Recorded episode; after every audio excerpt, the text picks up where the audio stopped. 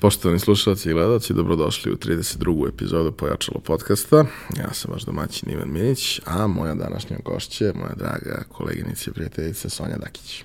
Hvala ti.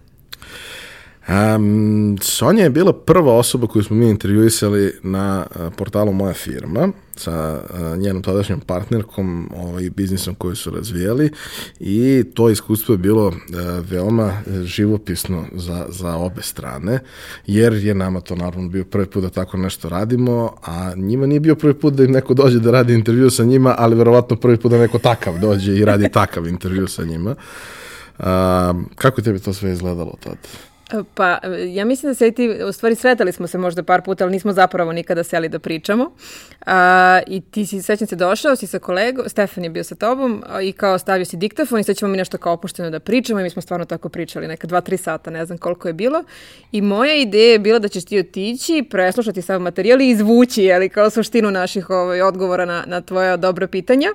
I onda kad si mi poslala, kad sam videla da je intervju izašao i kad sam videla da si ti zapravo prekucao sve što smo mi pričali, ja sam imala potpuno zaprepašćen jer kao to najduži intervju ikada koji smo ovaj, dali, to je bilo nekih šest ekrana, ovaj, sećam se na, na kompjuteru kad sam listala, ali negde mi je bilo, zna... mislim ja sam ga jako vola, meni je ostao drag jer si postavio neka drugačija pitanja i stvarno smo neke stvari prvi put ispričali. Meni je zbog toga bilo ovaj, jako lepo iskustvo ali sam i naučila da budem ovaj, malo sažetija u svojim odgovorima u daljim intervjuima. Pa znaš kako, mislim, mi smo se nekako vodili time da, e, iako je tačno da ljudi više ništa ne čitaju, ako imaju dobar razlog i ako je priča dobra, pročitaće, a vaša priča je bila da. sjajna. I imala je, da kažemo, jednu veoma snažnu ljudsku komponentu i imala je veoma da, posvećenu publiku kojoj se primarno obraćala. Uh, koja je dovoljno široka, a da kažem sekundarna publika su faktički, faktički bili svi ljudi koji su da. zainteresovani da imaju decu u nekom trenutku. Jes, jes. Ne, meni je to baš drag intervju i, i da kažem, rado mu se i vratim da, da pogledam, ali, ali mislim da je to zaista bilo onako upravo zbog te atmosfere koju smo nekako napravili da, da je bio jedan lep razgovor ovaj, sa, sa jednim lepim rezultatom. A, otkud uopšte u preduzetništvu i šta ste vi Šta ste vi tada radili, pošto eto, pričali smo o tom intervju, ali nismo zapravo objasnili šta ste vi tada radili. Šta smo, da, čime smo se bavile. Pa, uh, Daj Daj, DO, znači firma koju smo pokrenule, ovaj, ja i Violeta 2011. Zapravo ideja je rođena 2010. Uh, rođena je negde sa mojom čerkom Zarom. Ja sam pre toga imala nekih 10 godina iskustva na raznim poslovima, inače sam grafički dizajner, ajde, po, po nekom formalnom obrazovanju. I e, ideja je zapravo stvarno slučajno nastala. Ja nisam imala ideju da ću ikad imati svoj posao, niti sam sebe posmatrala kao nekog sa tim potencijalom. Ali, ove, ali nekako kad se, kad se to majčinstvo, kad, kad je upalo u moj život i kad sam ja gledala šta je to sa tim pelenama i sad bacamo kao neki otpad, mi smo bili kao kao porodica, odgovorna zelena porodica, htjeli da što manje otpada ostavimo iza sebe i u, u, zapravo u potrazi za kao rešenjem i uz pomoć Google i svega otkrijem da postoji neki proizvod kao, kao pelene moderne koje se peru i kao strava i to je bila da, 2000, zarađena 2008. znači 2008-2009. kada je internet kupovina još uvek bila onako kao ali su zemlje čuda u Srbiji. Uh, Uh, ili naše kartice nisu mogle da prođu na većini američkih i, i engleskih sajtova ili ovaj, i ako bi uspeli da nekako platimo nisu htjeli da pošalju i onda je to neka dva meseca agonije bukvalno bilo da, da probam da poručim nešto iz inostranstva i odatle kreće zapravo ideja mog muža da mi kao to probamo da šijemo ovde. U tom momentu ja ništa o tekstilnoj industriji ne znam, ove, niti sam ta žena koja kao ume to, kao ume da sašije nešto pa koja ima taj, taj zanat u rukama. A, Violeta u tom trenutku imala svoju radnju sa bebi opremom koju je uvozila iz Turske i preprodavala, tako da je ona imala neko preduzetničko iskustvo na polju prodaje, ali ne u proizvodnji. E, onda je bila ta varijanta da smo mi stvarno onako srce ušle u to i rekla, ajde da probamo. Ja sam bila na porodiljskom što je meni dalo negde priliku da kao u toj pauzi od kao zvaničnog posla razvijam svoj posao. I ono što smo mi zapravo napravile jesu daj daj pelene, pelene koje se peru od bambusovog vlakna, zdravije, zdravije za bebu, čistije za okolinu i isplatljivije za kućni budžet, kako smo volali da kažemo. I zapravo jedan inovativan proizvod koji smo doveli u Srbiju. I to je ono što je moja osnovna motivacija i bilo, negde da, da kada je daj daj zaživeo, da stvarno bude prilika da roditelji ovde mogu da ga kupe. Eto, da ne moraju da prolaze tu agoniju od tri meseca online i razmišljanja koga gde znam, koga znam u Nemačkoj, ko može da mi donese i kako to već sad funkcionisalo. Ovaj, da prosto donesemo nešto novo i, i to krenemo ovde. Kad ste odlučili da krenete u tako nešto, uh, imali ste, kažeš, delimično ste imali nekakav background i delimično ste imali nekakvu svest o tome šta vas čeka, ali samo delimično. Vrlo delimično. A, kako je zapravo izgledao taj sami početak? Šta su bili neki najveći izazovi koje je trebalo da rešite? Između ostalog, taj materijal nije ovde postojao. Tako je, da. Ja sam se nekako, pošto sam za, za, za Zaru razne pelene nabavila i onda sam nekako se vezala za taj bambus i onda sam rekla ako ćemo nešto pravimo, to će bude taj bambus. Ne znajući šta će me stvarno tu ovaj, sačekati. E, da, pa, on je materijal generalno koga nema na slobodnom tržištu. Znači ne možete odete u pozamanteriju ili u bilo koju metražu i kupite kao 3 metra. Naručuje se u fabrikama i to su velike količine e, koje, koje minimum neke prve poručbene koje smo mi jedva nekako izmolile da nam naprave, mislim da je bilo 100 ili 200 kila, sledeća poručbena je bila jedna tona. U tom momentu jedna tona je bila 10.000 evra, znači čisto kada stavimo red veličine na nešto što je nama bilo kao kuća, ali ta nekako prva poručbena koju smo iz Slovenije tada nabavile je bilo nešto što smo mi u tom momentu imale novca kod sebe. Mi smo svoj novac uložili u pokretanje posla i to je bukvalno bilo iz onih koverti što kaže što stoje po fiokama ovaj od od ne znam od venčanja, od dece, od šta se kako nađe. Za leto. Za letovanje, za nova kola i to, za novija kola, u stvari ne nova. Ovaj, to je novac koji smo ja i ona uložile i pošto sam ja tada živjela sa suprugom u njegovoj porodičnoj kući Koleđerici, imali smo slobodan prostor i bukvalno smo uh, u delu porodične kuće u jednoj sobi 25 kvadrata, aha, kao ubacile neke mašine, te mašine, to isto bilo jako smešno kad smo išli da kupujemo, ne, ja, ja u tom momentu nisam znala da da bi sašili jednu običnu, ono kao t-shirt, kao što ga ti imaš, tebi treba i tri mašine, znači to ne može jedna mašina da sašije. Ja sam mislila da može. Tako da i ta kupovina mašina bila jako zanimljiva, srećom pa smo žene koje smo u tom momentu već ovaj, hteli da, da uposlimo su išle sa nama pa su nam objasnile koje mašine stvarno treba da kupimo i negde su bile sa nama od prvog, od prvog dana su gradile tu priču, ali se sve to nekako slagalo kao, kao Lego kockice, ono što kaže ja, Svesna da ništa ne znam, ja sam bukvalno išla okolo i svima pričala šta ja hoću. I onda su se tako otvarale fiokice, pa kao ja ne znam, sad hoću to kao sa tekstilom, pa mi kolega kaže, on je tada radio, ne znam, u šuteru, pa zna ženu koja je modelar, pa mi ta žena modelar koja pravi krojeve, u stvari napravi kroj za pelenu, pa me ona poveže sa ženom koja šije, pa me ona koja šije poveže sa ženom koja kroji, pa onda ova zna nekog, i to je tako kao domino efekat, znači nekako kad, što ja kažem, kada se vi usmerite na neku stranu, onda mozak sam otvara te fiokice Jokici traži dalje put. I tako su se nama slagale, kao aha, ne znam, firma iz Požarevca radi etikete, ovi rade ambalažu i tako su išle kockice. I zaista negde, ja mislim, i zbog te prve podrške koju smo dobili od nekada potpuno nepoznatih ljudi, ja negde danas imam taj osjećaj da treba to da vratim. Znači, ne mogu tim ljudima da vratim, ali nekim drugima mogu. I zbog tih nekih vrata koji su nama neki, ovaj, neki ljudi otvorili, ovaj, ja stvarno osjećam odgovornost da to, da to danas radim za druge. Mislim, to je išlo dotle da sam ja Drugarica me je upoznala sa direktorom Extreme Intima uh, brenda. Ja sam bukvalno sela sa čovekom na kafu koga prvi put vidim u životu i pitala ga konkretne stvari koje su me interesovale oko postavljanja cenja u tekstilu, koliko treba procenat da mi bude, ne znam kako, da li sam dobro uradila kalkulacije gde on meni posvetio sat, sat i po vremena svog, ono kao i znanje i ekspertize i svega bio najotvoreniji. Ja sam, kažem, za mene su to bile jako značajne stvari u tim trenucima kada stvarno nisam imala u svom okruženju nekoga da pitam za to.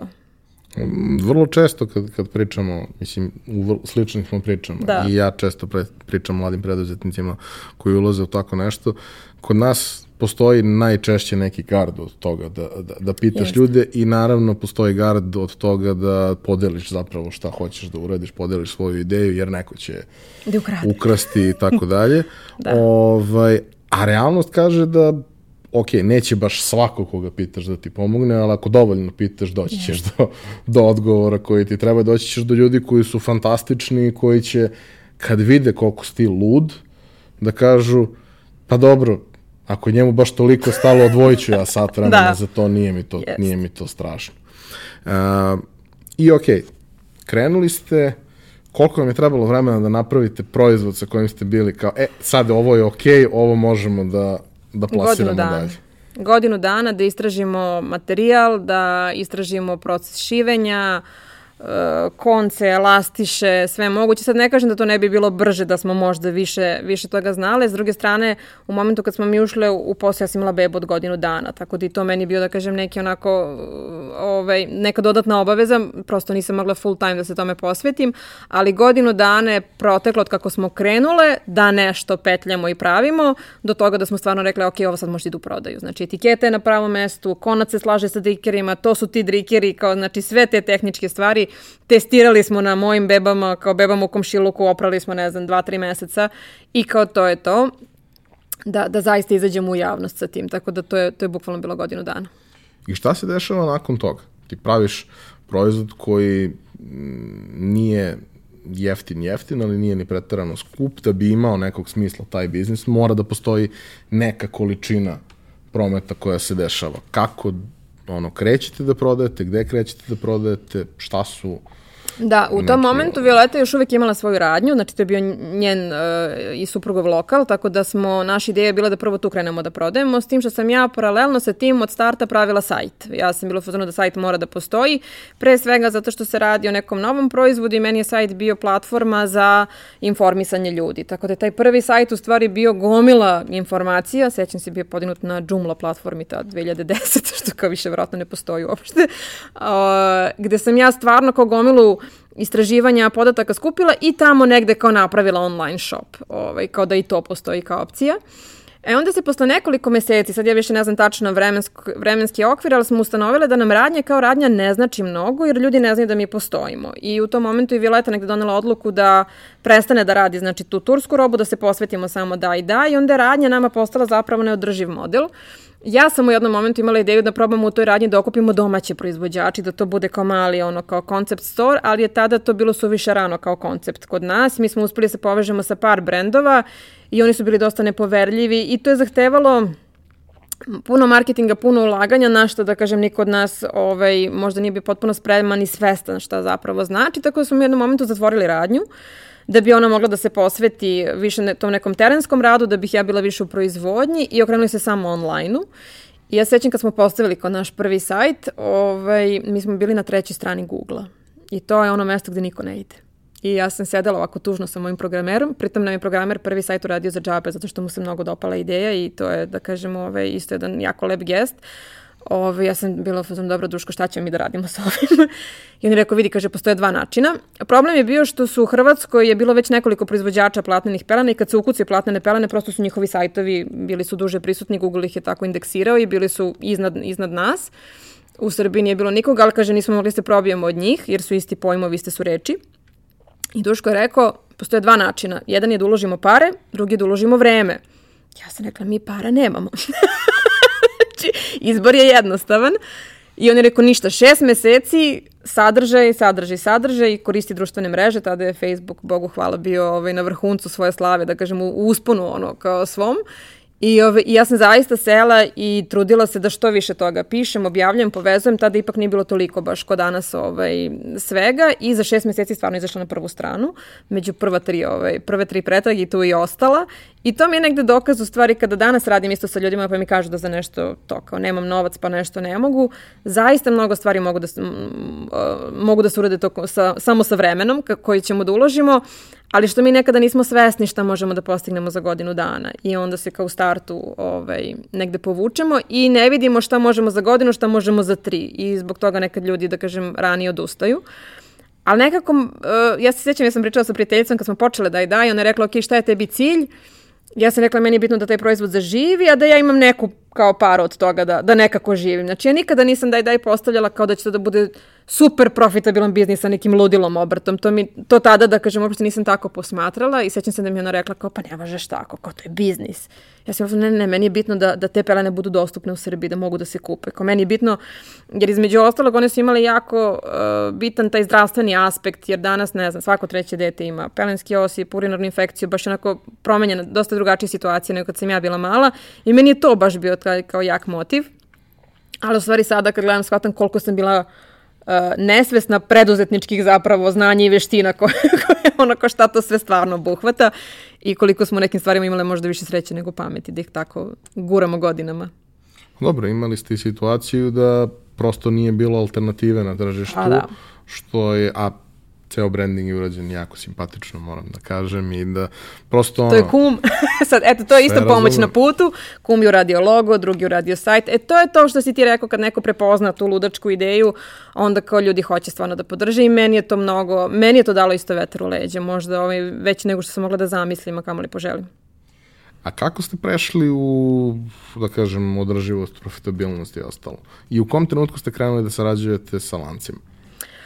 Pa ovako, mi smo, ja mislim, prve tri, tri i po godine volontirali u svojoj firmi nama je bilo jako bitno i to je ono što su zapravo prepoznali ljudi kao posle, kao socijalno preduzetništvo i to ispostavilo se da kada smo gledali da zaposlimo žene, ispostavilo se da žene koje možemo da zaposlimo su uglavnom preko 50 godina ovaj, života, znači imaju, dolaze uglavnom iz tekstilnih propalnih kombinata. Prva žena koja je došla šije kod nas imala 60 godina, bukvalno je bila godište moje majke i to je nas stavilo jedan poseban odnos uh, sa njima, da kažem da nismo se postavljale sad kao nešto autoritativno, nego smo zapravo zajedno gradile. Nama su one bile jako bitne jer su one zapravo naš entuzijazam i ideju materializovale i gledali smo što više da ih uključujemo i bilo nam je važno da one dobiju svoju platu na vreme, pre svega. Znači da naše dobavljače platimo, da žene platimo i kako nešto ostane, nas dve ćemo da podelimo. I to nešto je za prve tri, tri i po godine bukvalno bilo kao platili smo mobilni telefon, gorivo za kole i super smo srećni. ovaj, ja sam sve to vreme negde radila honorarno kao dizajner i finansirala, da kažemo, ono, ulagala dalje u biznis. Uh, Ono što je napravilo veliku prekretnicu jeste edukacija. Ja sam 2014. U, učestvovala u Investment Ready programu Impacta Beč. To je bio tromesečni program edukacije za koji smo izabrane i tada sam ja prvi put zapravo na tom nekom predstavljanju projekata shvatila da to što mi radimo je drugim ljudima jako interesantno i da oni vide u tome jako veliki potencijal. Tada mi se isto tako desilo da mi prvi put priđe investitor i da me pita da li bih ja prodala svoj biznis i ja sam se silno uvredila i otišla i rekla da li je normalan. U tom momentu daj daj stvarno je bio, ono, pokrivo je svoje troškove, bile smo još uvek pod kreditom koji smo isplaćivale, ali je imao nekakvo, eto, kao, nije još bio što kaže, ono, nismo prešli prelomnu tačku te kao rentabilnosti, break-even point, ali su se videli neki parametri šta i kako može. E, ta edukacija je meni bila jako značajna jer sam zapravo videla koje su naše slabe tačke, gde smo, šta smo i koje su mogućnosti da se dalje, ovaj, da se dalje širimo. Nama ideja bila ulaska u program da zapravo testiramo naš biznis model sa potencijalom da kao možda izađemo na ino tržište. Ono što sam ja shvatila kad se program završio i kad smo mi stvarno ušli u neke pregovore sa investitorima i bila je neka realna mogućnost da dobijemo investiciju, Ovaj, pa sam ja shvatila da to, iako dobijemo novac, ne znamo tačno šta ćemo s njim, pa da ne treba da ga u tom momentu ovaj, povučemo, iako su oni dolazili ovde da vide i gde smo i šta smo. Uh, ovaj, kako radimo. Um, ja sam shvatila zapravo koliko nam je marketing bitan na koliko se ne bavimo s njim. Znači mi smo održavale te neke društvene mreže, sajt, i, ali nismo, nismo zapravo izgradile ono što zovemo brand, to jest nismo zapravo izgradile uh, sve ono što smo mislili oko Daj Daja I rezultat uh, celog tog programa, mi smo tada, mislim, već prodavale u aksi onako slabije i vrlo, da kažem, uh, to nam je više bilo kao izložbeni prostor nego što nam je bio neki profit sa te strane. E, ono što smo uradile u bukvalno u roku dva meseca posle programa, uh, krenule smo sa aktivnim marketingom, tada sam ja Milicu Čaliju zapravo upoznala, tad smo počeli da sarađujemo ovaj, sa njom.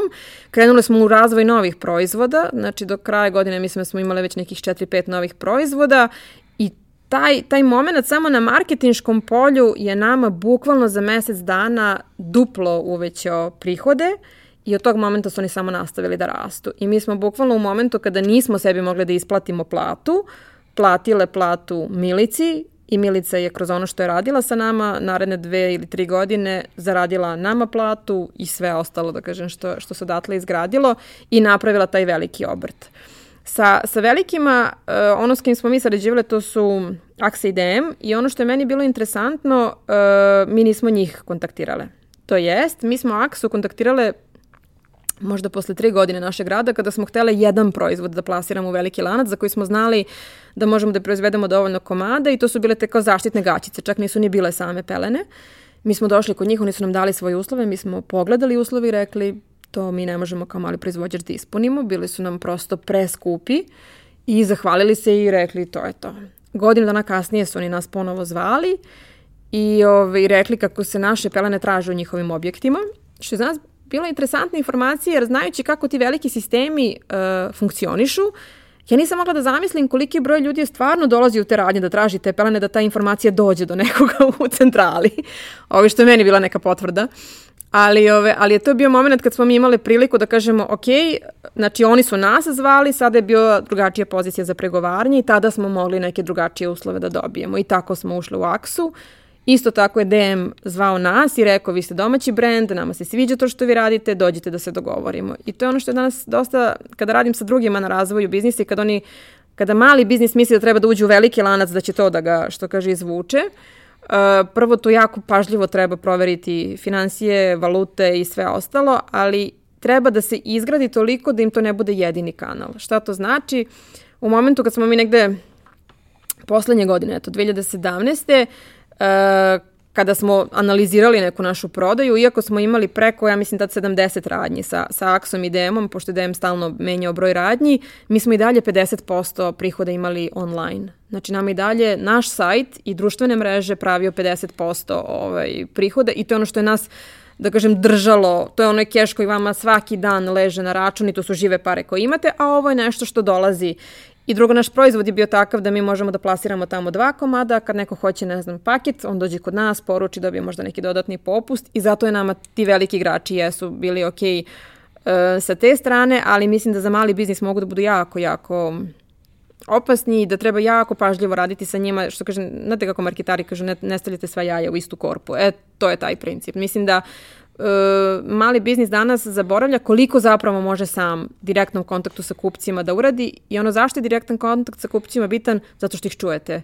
zato što čujete šta vas pitaju, zato što čujete šta pitaju za vaš proizvod. To je razlog zašto sam ja, zašto je meni jako važno bilo da idem na sajmove ja kao promoter i prezenter da bih videla ko je sa druge strane štanda i da vidim šta me zapravo pita i da znam na koje pitanje treba da odgovorim. A neko ko nema nikakvog iskustva, a upravo vidi svoje prisustvo, odnosno prisustvo svojih proizvoda u lancu kao neko veliko rešenje, šta može da očekuje? Kako izgleda ta neka uh, default ponuda, bez toga da pa, oni tebe da. zovu. Sve se plaća. To je osnova svega. Ja sam u jednom momentu se šalila kada, kada oni vam daju taj ugovor, onda imate 1% ovde, 2% ovde, ne kažem, onda on 2% je, ne znam, vazduh koji vaš proizvod troši u njihovom magazinu, ovo je prostor na polici. Znači sve se plaća i ono što mislim da je ljudima jako bitno da shvate to je da ono što će veliki lanac da uradi, on će da uzme vaš proizvod i da ga stavi na policu. I ništa više. Sve ostalo što bude trebalo da se uradi, vi ćete platite. Da li je to katalog, da li je to promocija, da li je to, nemam pojma, sniženje cene. Znači, to je ono što ljudi koji idu kao kupci u radnju ne razmišljaju, ali tek kad se sretnete s druge strane sa sistemom, vi shvatite znači šta stoji i koji su, znači sad od lanca do lanca, nama je recimo jako bilo bitno, mi kad smo ulazili u Aksu, mi smo se raspitali kako oni plaćaju. Nama je jako bilo bitno da ti sa kojima uđemo u rad, da stvarno ne moramo da nikog cimamo telefonom i da se razmišljamo. Znate, vi kad uđete u veliki lanac imate valutu 60 dana, vi bukvalno tih 60 dana ronite na dah. Jer ste vi platili materijal, platili ste svoje radnike, ambalažu, znači transport, sve što je trebalo i 60 dana čekate taj novac da legne. Znači vi ako nemate to, što to kaže, u, u rezervama, jako teško ćete da pregurate. Jednom kada prođe tih 60 dana, novac ide, znači ako, ako je, da kažem, sve regularno. I tu smo imali sreću što smo izabrali prosto dva velika lanca koje stvarno su bila ono, likvidna, fair i što stvarno s te strane nikad nismo imali pro problem ali prosto uh, tu treba biti pažljiv sa cenama i kalkulacijama jer to košta. Nama je, ono što je nas, da kažem što je nama stvarno pravilno najveći profit jeste ta direktna prodaja koju smo imali i mislim da toga nikada, da to nikada ne treba gasiti niti smanjivati na konto velikih lanaca kako god. A šta ste sve radili od aktivnosti da bi izgradili zajednicu koja vas prati? Pošto, mislim, proizvod je takav da proba jedna mama, preporuči drugoj mami u roku od šest meseci, to sve mame u kraju znaju. Pa Kamo sreće. Neke... da, manje više. Uh, ja mislim, odgovor na tvoje pitanje bi bio sve što nam je palo na pamet, bukvalno. Ja i danas kad mi neko kaže kao ja, ali ne znam, ja ne vidim na taj bazar, meni se to ne isplati. Uh, ja sam išla gde god su me hteli. Znači, bukvalno nisam, nisam dovodila u pitanje da li je TV gostovanje, da li je bazar, sajam, šta god, promocije u Privrednoj komori, znači ja gde god sam imala priliku da se pojavim, ja sam išla da se pojavim, ne računajući kako će to da mi se isplati. Jer kad imate tako nešto inovativno za šta niko ne zna i pritom je proizvod za koji vi svakog meseca imate nove kupce, znači bebe se stalno nove rađaju, stalno nove mame dolaze i vi stalno imate, da kažem, taj neki lup koji morate da obnavljate, Ove, mi smo išle znači, na sajmove, onda smo u nekom momentu mapirale škole roditeljstva i patronažu kao neke kanale koje nama mogu da budu interesantni i sa njima radile neku saradnju, tako da mi njih promovišemo, oni nas i s njima smo imali jako lepa iskustva i gledali smo u stvari na koje sve načine možemo da dođemo do tih mama. Uh, Meni su, kažem, opet sajmovi bili jako, jako korisni jer sam videla te mame koje dolaze da pitaju, da jer sam shvatila zbog čega se dvoume kada kupuju, znači koje su to neka njihova uverenja koja treba da im, onako da kažem, otvorim da bi, da bi bile spremne za tu prodaju, za, za kupovinu. Ovaj, Tako da šta god se otvaralo, znači mi smo išli dotle da, ne znam, treba se pojavimo u nekom časopisu, nemamo da platimo, onda pregovaramo da kompenzujemo, da mi damo poklon, pa da oni nama objave nešto malo i gde god smo mogli smo se tako snalazile. Znači mi zaista nismo nikada platile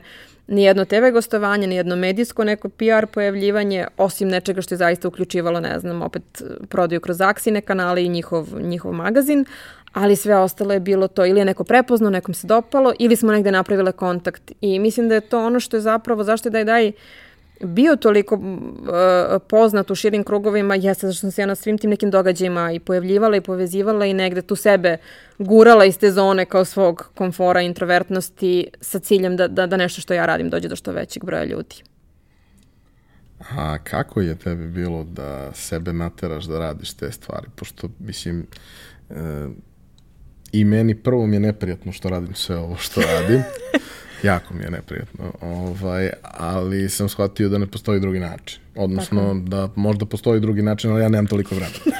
ovaj, mnogo je ljudi koji prosto ono, ne žele nikome da smetaju, ne žele nikoga da uznemiravaju, ne žele da ništa, ne shvataju da je to jedini način da neko zapravo čuje i da to ne mora da se radi na način da nekome stvarno smetaš da zapravo da. može da se, da se uradi i drugačije. Samo kad si pod tim stresom i kad unutra hoćeš da implodiraš dok, dok razmišljaš šta da kažeš, nije to baš tako jednostavno. Kako si ti to rešao? Da, pa ja volim danas kad imam priliku da držim neke radionice na temu javnog nastupa, to je jedna od mojih tema, ja volim da kažem da sam bila jako stidljivo i povučeno dete, pa sam da svi kao nešto zaprepaste, pa sam onako me znaju s neke konferencije ili događaja, gde te vide na bini, pa si u fazonu vidi kako to njoj super ide, ona je to kao Ove, ali ja sam stvarno bila dete koje bukvalno nije pričalo ako ga neko nešto nije pitao.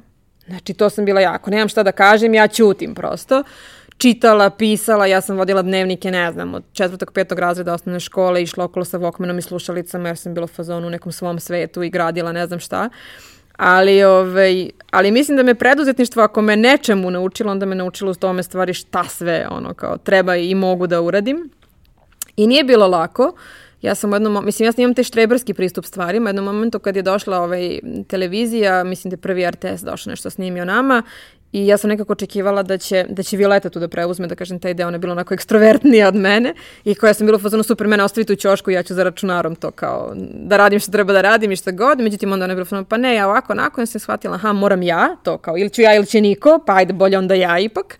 E onda sam ja štreberski otišla u školu javnog nastupa, pa deset nedelja radila na tome, pa znaš onako imam par prijateljica koje su baš iz PR-a, pa sa njima pričala, pa teška srca gledala te svoje snimke prve gde trepćem ko blesava, ko da mi nešto ono što kaže ovaj, upadu u oči non stop.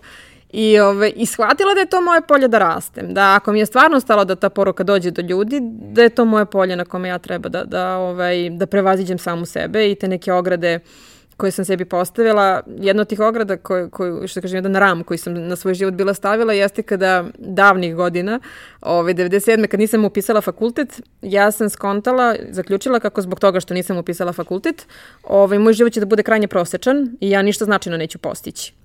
E, ono što je meni daj daj došao kao fakultet u životu je zapravo da razbucam taj ram i da budem u fazonu, ok, jel ti stalo do ovoga, jel ovo tvoja priča, sad ćeš da ideš i da kucaš na nepoznata vrata i da pričaš pred kamerom i da Mislim, i to sad toliko kao smešno izgleda, ali stvarno, kao na YouTube-u i dan danas postoje ti moji prvi snimci, tako da dokazi postoje što god ovaj, ja pričala. Ali meni to danas jako veselo da posmatram i da stav, zapravo, znaš, koliko sam tada nešto bila kao možda stidljivo uplašena, toliko danas sam izazovima u fazonu, ajde, šta je sledeće. Ovaj, zato je meni preduzetništvo ne, neverovatno dobra priča i mislim da jeste super poligon za, ovaj, za privazilaženje pre svega ovaj, samog sebe. Pre par dana sam imao sličan razgovor sa mojom majkom i onda mi je ona rekla, pošto sam isto je bila priča kao, ok, kako ti sada izađeš pred 300 ljudi i pričaš i nemaš frku, kao ko kaže da nema frku. Tako je. Mislim, ali kao to se ne vidi toliko jer ja izađem i pričam gluposti i onda se ljudi smeju i svima je super u principu, ali kao kako si ti to, pa kao shvatio sam da ne postoji alternativa, kao vidiš ja sam bila isto takva, kao ona kad je upisivala faks, uh, vodila je svog malog burazera za ruku jer je bila frka da je sama. I kaže, ali postoji taj magični trenutak ovaj, kad se sve promenilo. Kad sam dobila tebe, onda više mm. ništa nije bilo bitno. Onda nije bilo bitno što mi je frka.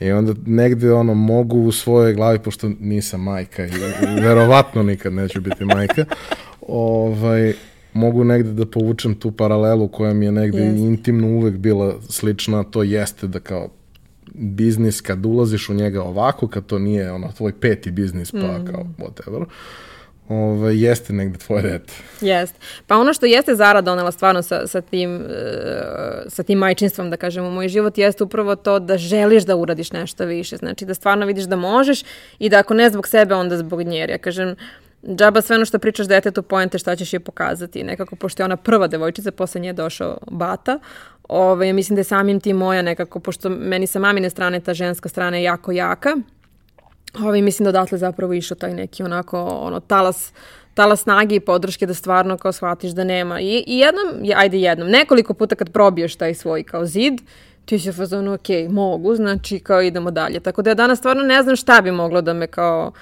u tom smislu zaustavi, osim to, kao ja sam večit, znači ja sam ta koja postavlja dokle ću da odem, dokle će, koliko ću visoko šipku da postavim da, da je preskočim.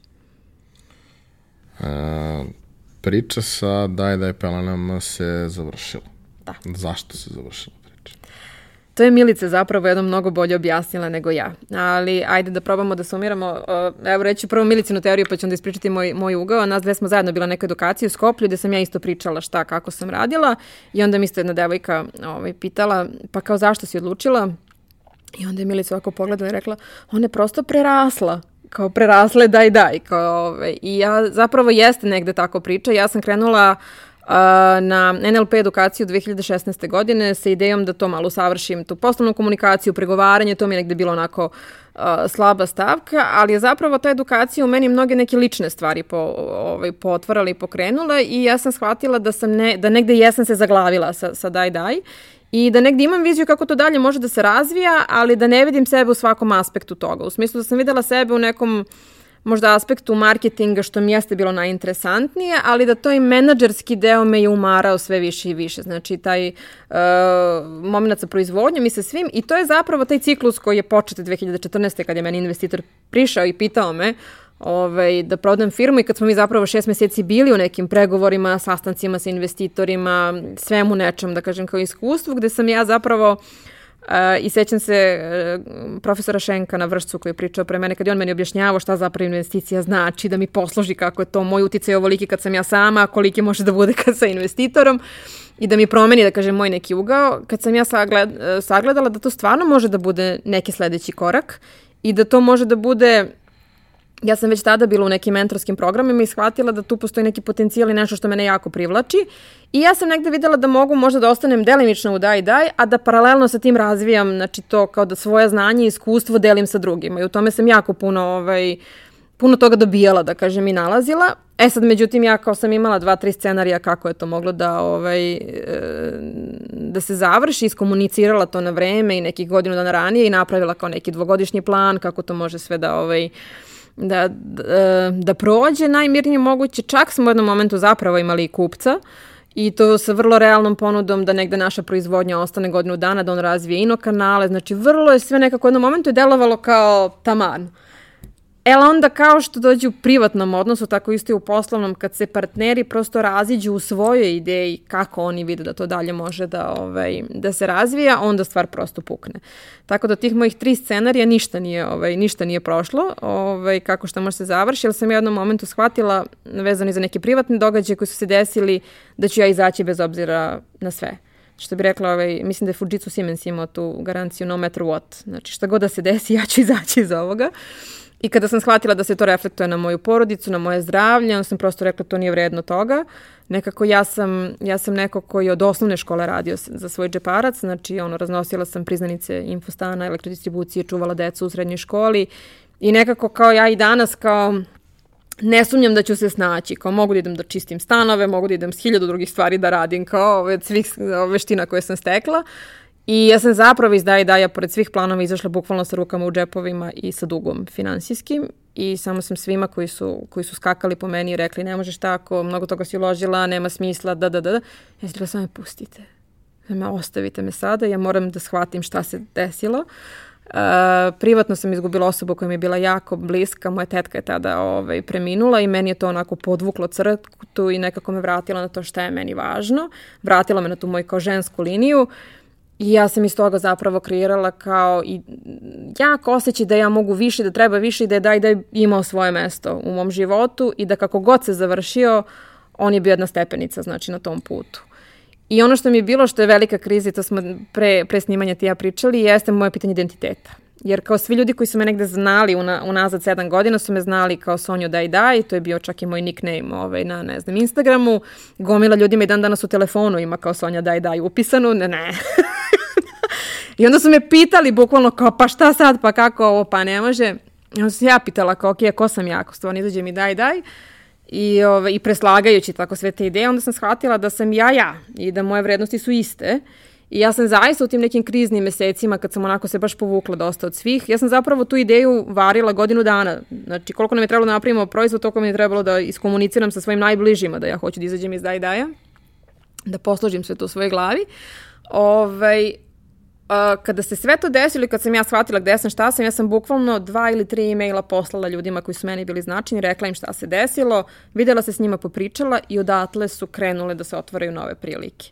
I ja sam već negde možda posle, do kraja godine već imala, da kažem, neke druge opcije, čak sam imala i ponude za posao koje sam odbila, koje su me onako zatekle, ali, ovaj, ali su onda stvari stvarno počele da se otvaraju i mislim da kad sam ja stala jasno na put gde sam, šta sam, ovaj, koji neki dalji pravac, onda su, onda su i drugi ljudi se lako ovaj, videli gde mogu da me uklope i odatle su se ne, ne, neke prosto nove prilike otvorile. A, kroz ceo period uh, u Daj Daj, a i kasnije, si prolazila razne programe i edukacije. Šta su bile najvrednije stvari koje si naučila? I koje su neke od edukacije koje ti stvarno ostaju ono Pa ovo u Beču program, on mi je veoma bio značajan. Mislim da mi je značilo jako da radim sa internacionalnim uh, mentorima. Znači tu su mentori bili iz Boston Consulting grupa koja je druga vodeća kuća kao consulting u svetu I značila mi je strašno njihova širina. Znači, taj, generalno nekad se sretnem s ljudima iz inostranstva sad na raznim ovaj, programima, oni prosto imaju jednu širu sliku. I ta šira slika meni je pomagala da se uzdignem iz ono dnevnih problema i da sagledam kao, aha, stvarno sve mogućnosti. Mislim, to je išlo dotle da ja kad sam pričala sa njim, oni su bili fano šta je špedicija? Ja sam ja bila fano, o. Vi ne znate koliko ste srećni. ovaj, ali, tako da smo edukovali jedni drugi u stvari. Ali, znači, program u Beču mi je mnogo znači, jer mi je baš dao taj biznis mindset, onako, po, pokazuje mi je zapravo šta biznis jeste i o čemu stvarno treba da, ono, kao super je misija, super je tvoj ono, društveni uticaj, super je sve to, ali šta je ovde biznis? Znači, šta održava celu tu priču? Uh, tako da uh, Investment Ready program svakako, NLP edukacija zbog mog ličnog, znači to nekog puta i svega onoga do čega me dovela da poverujem da postoji nešto više za mene, znači da ne ostanem zaglavljena što kaže u svom nekom ramu I ove ostale neke edukacije koje su, koje su uspod dolazile, ali mislim da su mi tu možda mnogo više značili ljudi koje sam upoznala i kontakte koje sam ostvarila nego sad neko krajnje znanja. Mislim, ja dan danas isključivo čitam stručne knjige, ja ne čitam beletristiku ovaj, i kao jurim razne neke ono, ovaj, nove informacije, trendove i to pratim. Ali ajde da kažem da je to možda naj, najznačajnije stvarno, što, što je mene onako oblikovalo pored, pored iskustva. A na čemu radiš sad u prethodnih godinu dana? Šta su, uh, ono što, što se sećam inicijalno uh, je da si pokrenula svoj sajt, da si pokrenula neki svoj program mentorski, uh, ali znam i da si deo nekih vrlo zanimljivih programa koji ono, mogu da budu interesantni svakome ko želi da bude preduzetnik ili već jeste. Da. Pa zapravo moja uh, prva udica, što kaže, za koju sam se zakačila je bio Superste program Erste banke, gde su me 2015. zvali da bude mentor, na što je moje prvo pitanje bilo, pa kako sam ja da budem mentor, znaš, kao je to, ja nemam, što bi rekla Dijana Banović, nisam ja to školovala. Ovaj, kako se zove, pritom su u ekipi bili Gaga Đermanović, Ivan Ćosić, eh, Deki iz grada, Đorđe Krivokopić, onako jedna fina baš ekipa ovaj, mentorska. I onda meni uh, Jelena Vasiljev iz Erste banke rekla, kaže li nama treba neko sa terena. Znaš, kao neko ko je to prošao. I ja sam stvarno ušla onako srčano prve godine u taj program i videla da, da zapravo iz tog iskustva rada sa 40 timova sa kojima se sret, sretnem toko dva dana, koliko zapravo mogu da im pomognem, jer većina njih dolazi prvi put sa nekim projektom, prvi put sa nekom idejom i onda svako od nas što kaže da neki svoj ugao i neki svoj savet.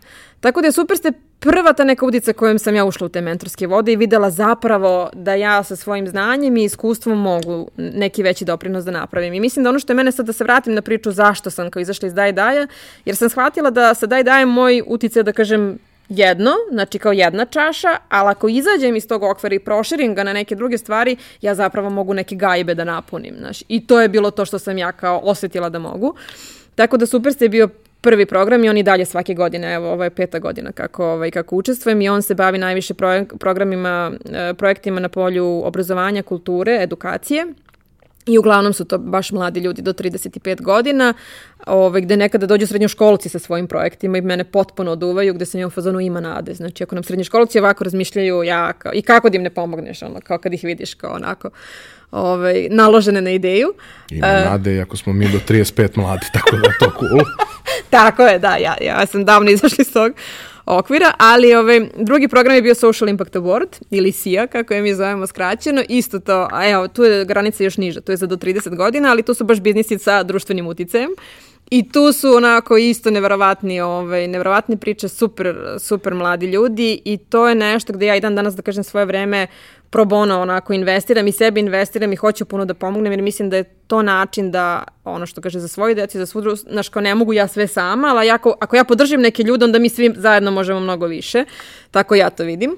A ideja za moj mentorski program je upravo došla iz iskustva tih programa u kojima sam ja učestvovala i žena koje su se meni negde obraćale sa pitanjem ili na događajima ili, ili preko društvenih mreža da hoće nešto da pokrenu pa da bi htele pa da ne znaju šta kako gde sam ja zapravo sela i napravila neki koncept uh, program od šest meseci koji obuhvatao te neke zajedničke teme i rad jedan na jedan i u saradnju sa ICT Hubom zapravo to realizovala ovaj, 2018. godine, evo sad završavam drugi ciklus i za sledeću godinu planiram nešto malo drugačije, duže i intenzivnije, ali, ove, ali to je bila neka moja prilika da testiram zapravo ideju šta ja stvarno mogu tu ovaj, i da vidim ko, ko, ko uopšte dolazi, šta ih interesuje, koje su potrebe i šta od svega toga može da se napravi. Bilo je tu još nekih programa koji su čak i internacionalni, koji su online, uh, ajde da kažem, ovo su neki najznačajniji. Pored toga, ono sa kim sarađujem i sa kim sam radila je Smart Collective, jer oni su tu dosta aktivni na polju socijalnog preduzetništva, tako da sam ovaj, sa njima radila projekat za GIZ godišnji, za socijalna preduzeća, za UNDP, za Brodoto, za verovatno ima još neku privrednu komoru Srbije, znači evo sad imam program sa ICT Hubom baš za njime prošlo za ovaj, u Milanovcu idemo da držimo od septembra neke. Tako da razne su se neke prilike tu potvarale. Ove, I to je ono što me raduje, što se stvarno negde i ekosistem o, za ovih 10 godina, ajde, 9-10 godina koliko, koliko sam ja u njemu, koliko se zapravo razvije i pokrenuo i sve više ima nekih lepih inicijativa i programa podrške.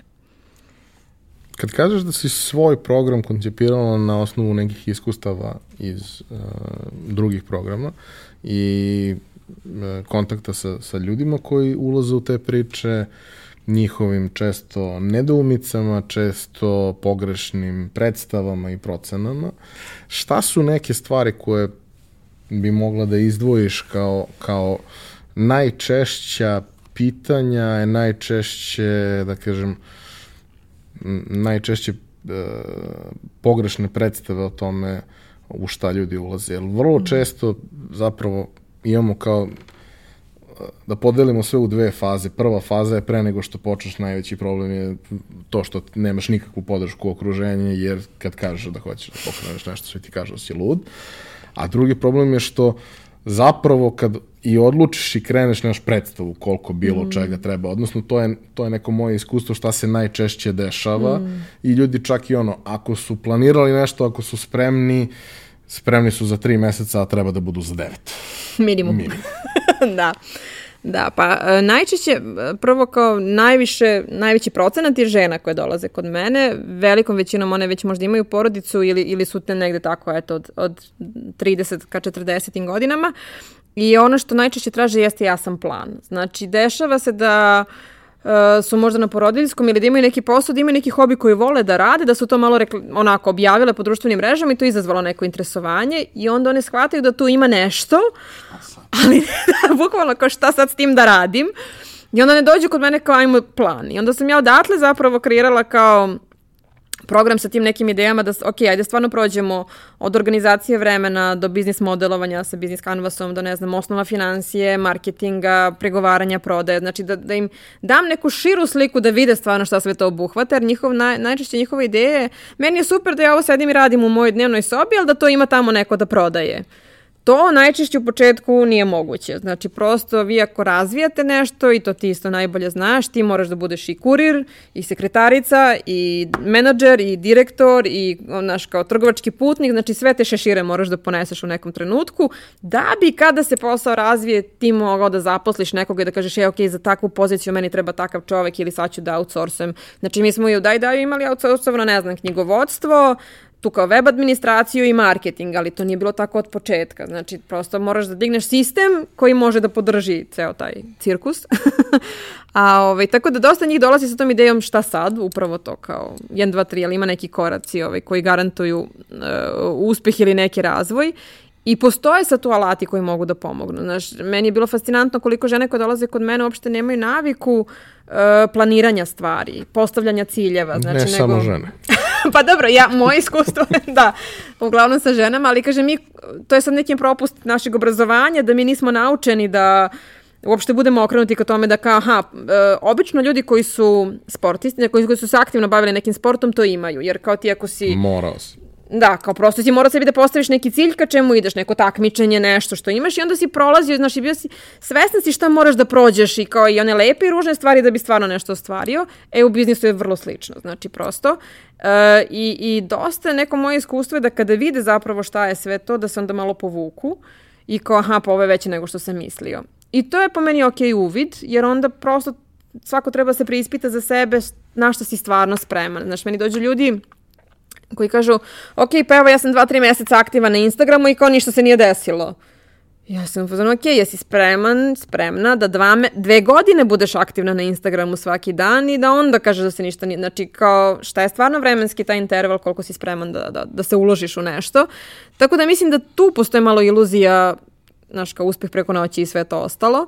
I što smo se mi često šalile, nama se dešavalo, ne znam, da nam kasni materijal kao po dve nedelje, onda kao pišeš, izvinjavaš se svim klijentima, vamo tamo, onda ti recimo u 10 sati uveče špediter javi da stiže auto, auto kao kamion, onaj veliki šleper u kaluđericu sa materijalom, onda mi od sreće što je taj materijal pono, napokon stigao, mi ne čekamo jutro da zovemo radnike, nego mi istovarujemo kao svo srećne, kao nosiš, znači da se šalimo, penjamo su sto stepenište, umiramo od smeha s tim balama od po 20-25 kila i kao znaš, ja ovo preduzetništvo nisam ovako zamišljala. Ali su to realne situacije, to je ono kao kad, ne znam, imaš reklamaciju ili ti ne isporuče poručbine, što su sve neke stvari da ti moraš da moraš da odgovoriš na neki način, da se vidi što kaže ono ko je čega napravljen I mislim da ljudi toga treba da budu svesni. Ako nisu, ako nisu stvarno spremni da se menjaju i da napreduju, da moja neka procena je da neće daleko stići. Pa mislim, negde smo to u prvom delu razgovora i, i zaključili i jedno i drugo, to je da čak i ako ne uspeš, to je najvrednija škola koju tako možeš je, da prođeš. Tako je. Ako ništa, upoznaćeš sebe. Jest, jest. Što može da bude strašno. Može da bude jako da. strašno. Ali kako ćeš znati koliko možeš ako ne probaš? Jest, jest. Upravo to. I mislim da preduzetništvo baš pruža to polje onako za, za testiranje i za igranje u neku, u neku ruku. Mislim da ga mi malo preozbiljno shvatamo ponekad, su više lično, ali ovaj, da ga zaista možda treba onako malo sagledati baš kao jednu, jednu školicu gde nekad padneš, nekad prođeš, nekad kao eto, nekad pobegneš sa časa, razumeš kao neke stvari su ti ovaj, i da tako, da tako idemo kroz to. A, od svih preduzeća i preduzetnika sa kojima si sarađivala kroz mentorski program, šta ti je ostavilo najjači utisak? Ko ti je bio najzanimljiviji? Pa imam, imam moju bilju koja je, ja, ja mislim, velikim delom zaslužna za moj mentorski program i za, za neki deo mog puta. E, bilja Fitaki, ona ima liniju dečih proizvoda i nju sam prvi put upoznala, e, razlivalište radilo jedan program jedne godine, samo su imali ovaj, u tehnološkom parku, on Reasonable Labs svao I oni su mene zvali i rekli, ja imam jednu super devojku, radi neku eko stvar, vola bi da se čuje sa tobom, isto je za bebe, kažem dajte mi, kao to je moja ciljna grupa, to znam, kao dajte mi. I mi smo se čule, videle na tom jednom događaju. Meni se ona toliko dopala da sam ja nastavila s njom da se viđam. I dogovorili smo se da se viđamo jednomesečno, kao da imamo taj neki kao godinu dana. I meni je bilo fascinantno, znači u jednom momentu ona je žena umetnica, znači završila slikarstvo, znači ve, veoma da kažem predaje na fakultetu onako i ovo je pokrenula opet iz neke svoje lične motivacije i priče. Uh, I kako se zove, i meni je bilo fascinantno, znači mi kad smo krenuli da radimo, ona ništa nije ni o čemu znala. Ni o sajtu, ni o društvenim mrežama, marketingu, prodaju. Znači ona je uspela da napravi taj svoj proizvod, tu, tu recepturu, tu je bila ekspert. Znači šta god sam je pitala na tom polju, ona mi je otprilike uspela da mi dešifruje svaku kozmetiku koju sam ja u kući imala, nisam znala šta je, ona je sve znala, sve sastojke i ostalo. I to je meni bilo važno da vidim da je, što kaže, stvarno ovaj, sa tim o, vrlo profesionalno tome pristupila I meni je bilo fascinantno koliko smo, znači nas dve smo se viđale, ja sam joj davala neke zadatke i ona je uvek 200% tih zadataka radila. I to je meni negde davalo, znači ja sam apsolutno pro bono radila sa njom tih godinu dana, da i ja vidim šta ja kao mogu da ponudim. Znači ona je za godinu dana koliko smo mi radile, uspela da sama postavi svoj sajt da sama napravi Facebook stranicu, da postavi Facebook pixel na svoju stranicu, da ga poveže sa sajtom. Znači tu i tamo je neki programer nešto malo kliknuo i pomoglo kad je baš kao, ali ona toliko, znači, sebe promenila za tih godinu dana da sam ja bila u fazonu biljo kad god, šta god, ja sam uvek za tebe tu. I ona je meni baš onako, kad se setim kao idealnog učenika, njena slika mi se pojavi. Ovaj, I dan danas, naravno, posle mi je bili u mentorskom programu i sve nastavile smo da radimo i čujemo se redovno. Ovaj, I kad god nešto ima, i znam da mi je pisala, konkurisala je baš kod Trak fundacije za zelene ideje prošle godine i poslala mi svoju prijavu. Ja sam rekla, biljo, ovo je savršeno, kao ništa da neće, odiran ko šalji.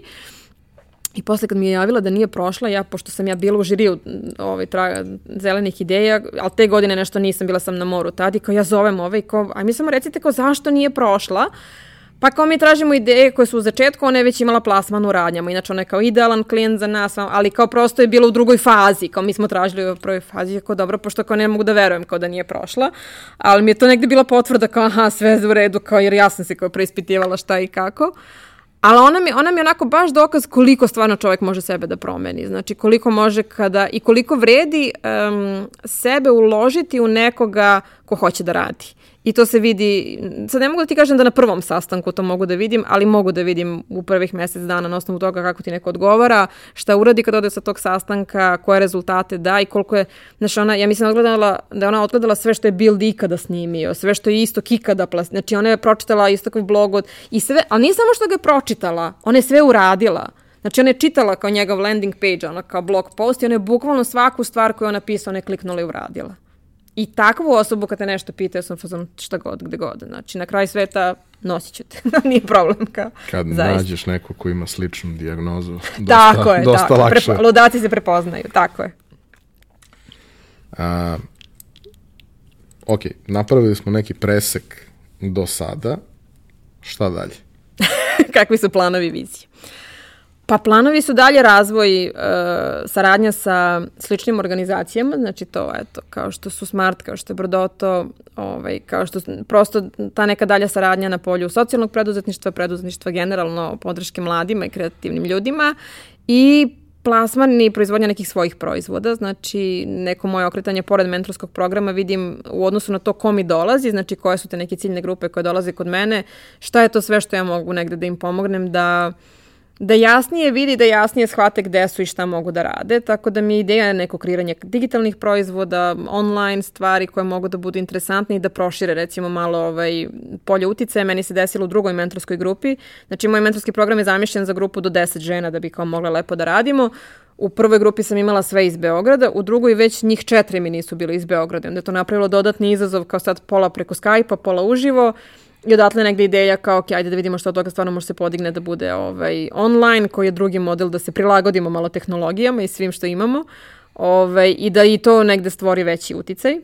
Tako da je moja negde ideja kreiranje zapravo uh, više proizvoda uh, na polju podrške ovaj, tom kao poče, za, za počinjanju biznisa, preduzetništvo generalno i saradnja sa ovim velikim nekim organizacijama gde je meni isto izazov, to je negde ono gde se ja bacim u vatru, da, da dođem u kontakt sa projektima sa kojima inače ne bih, ne bih mogla, gde ovaj, to mi se desilo recimo Pre dva meseca sam sa udruženjem Morka držala njima jednodnevni trening na temu liderskih veština, gde sam se ja srela s nekim ljudima koji su onako u ozbiljnim institucijama, na ozbiljnim pozicijama sa projektima za zaštitu, ne znam, ptica, prirode, da su, su fenomenalni projekti, ali oni prosto nisu moje ono, blisko okruženje i da je meni mnogo drago da znam da mogu da doprinesem svojim znanjem i njima i njihovim projektima da, da zažive.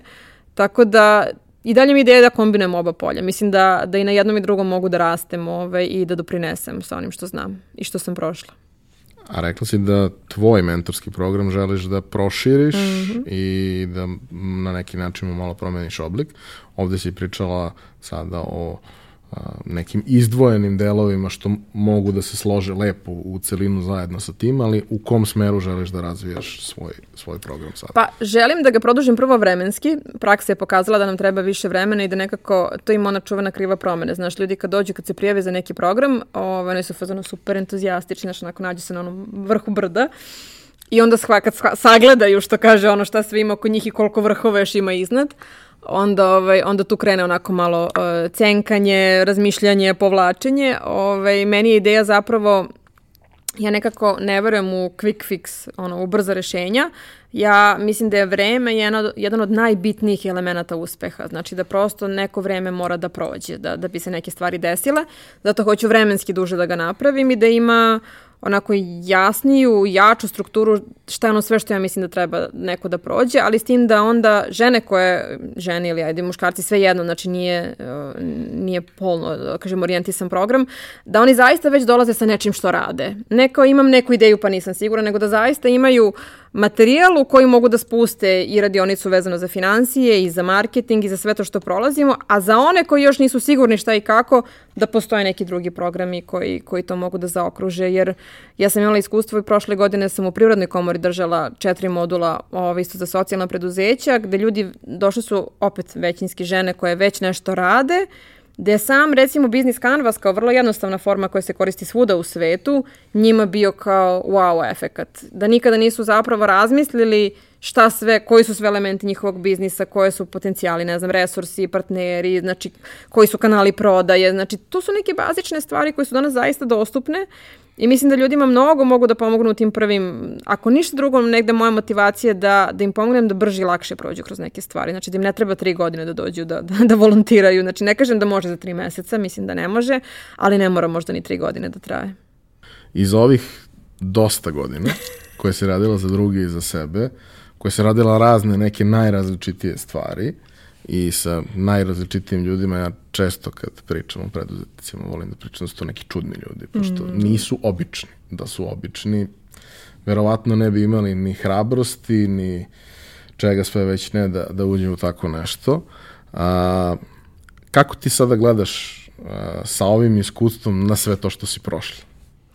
Pa ja volim da kažem da je moj život imao mnogo bolji plan za mene, od mene i zahvalna sam na tome. Uh, meni je značilo, ja sam se 19 godina našla svoj prvi stalan posao, što kaže od 8 do 4 tada i počela da radim i tada to je bilo 97. Ovaj, čak zbog toga da kažem izgubila malo i društvo jer su neče na fakultet, ja sam počela da radim, ali negde ja sam tada ušla u računare, u svašta nešto i tu videla svoju priliku da, da rastem i da se razvijam i nekako nisam stala. Uh, Mislim da to što sam negde kao um, ispustila fakultet kao takav me ostavilo gladnom znanja i da mi to i dan danas negde drži da, da istrajavam i da se dalje, ovaj, da se edukujem, onako baš me drži onako u treningu što bi rekli.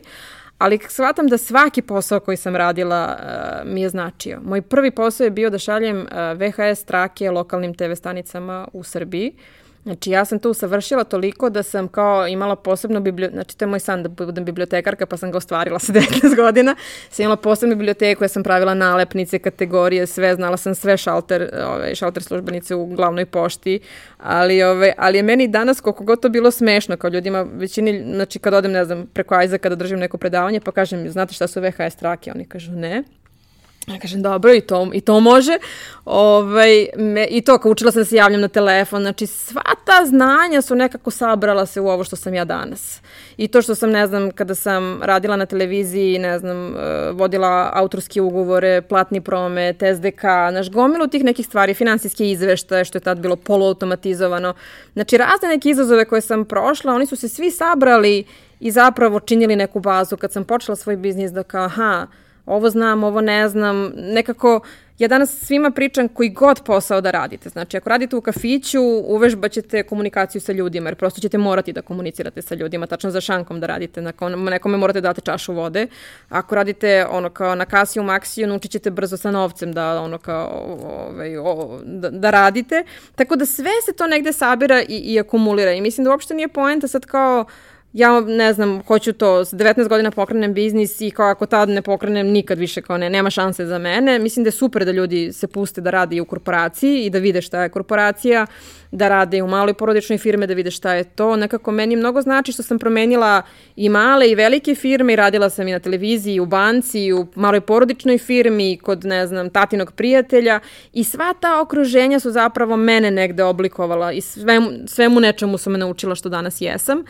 Tako da mislim da tu nema pogrešnih odluka i iskretanja. Mislim da svi ti putevi što kaže nas ono kao grade i oblikuju i, i na kraju nas dovedu do onoga što, što jesmo i, i nekako sve te odluke koje smo napravili zapravo na kraju čine, čine naš život i nas same. E pa dobro sam. A, poštovani slušalci i gledalci, hvala vam na pažnji. A, Treba da znate da od kad smo počeli sa druženjima, Sonja je bila jedna od nekoliko ljudi koje smo odabrali za matchmakere, a iz ovoga večera ste mogli da, odnosno danas ste mogli da zaključite zašto. Uh, hvala ti na tome, hvala, hvala ti na gostovanju, a vama se nadam da je bilo i ovo interesantno i molim vas da kao i do sada sve svoje komentare ostavite na za to predviđenim mestima, da nam pišete na društvenim mrežama ili preko sajta da dođete na druženje i da popričamo o svemu ovome i da nam pomognete da učinimo ovo sve što radimo još boljim, jer na kraju dana radimo to zbog vas.